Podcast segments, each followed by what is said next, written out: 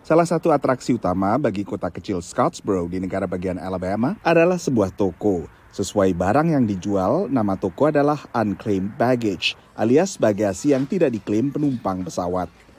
You never know what you're going to find when you come to unclaimed baggage. I think it feels a little bit like shopping through someone else's closet. I think the thrill of the hunt is really cool. You know, digging for these treasures. It kind of feels like an archaeological dig, even um, for our shoppers, and not to mention the deals. We price things usually 30 to 80% off retail value. And so things that you don't find discounted ever, you find discounted here. Diperkirakan sekitar satu juta orang mengunjungi toko ini setiap tahunnya. Ada yang untuk pertama kalinya, dan yang lain seperti Susan dari Orlando, negara bagian Florida ini adalah pelanggan tetap. Sometime in the 90s, my mother in law, who lives in Oak Ridge, Tennessee, said there's this really cool place, and you who likes antique jewelry, who likes estate sales, let's go to this place and get some kid clothes. So we came over here and spent about six hours. And, and it was like, oh my gosh, we went home and told everybody in Orlando. Di sini pun Susan menemukan banyak barang berharga. One year I got a um, Tiffany bracelet.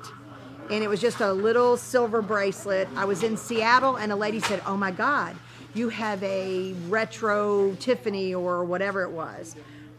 Two years later, I come in here and there's two Tiffany's just like that, and they're they're very inexpensive and they're sterling silver. So I get them for my daughter. They're now worth a lot of money and it was just a neat find. Toko yang didirikan tahun 1970-an ini hanya bisa menjual sekitar sepertiga isi bagasi yang tidak diklaim.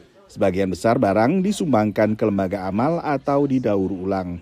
Items that get lost most are things like books, coats, headphones, water bottles. Oh my goodness, at the water bottles that come through here any given month.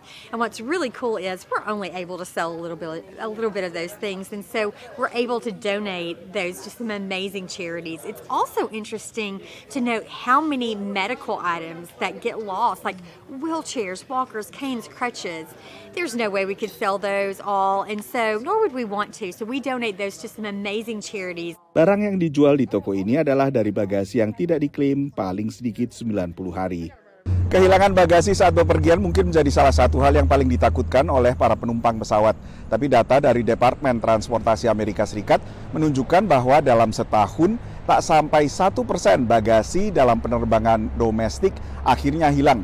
Menurut unclaimed baggage, bahkan sekitar 99,5 persen bagasi selalu bisa dipertemukan kembali dengan pemiliknya. Dari Washington DC, saya Nova Purwadi dan tim VOA.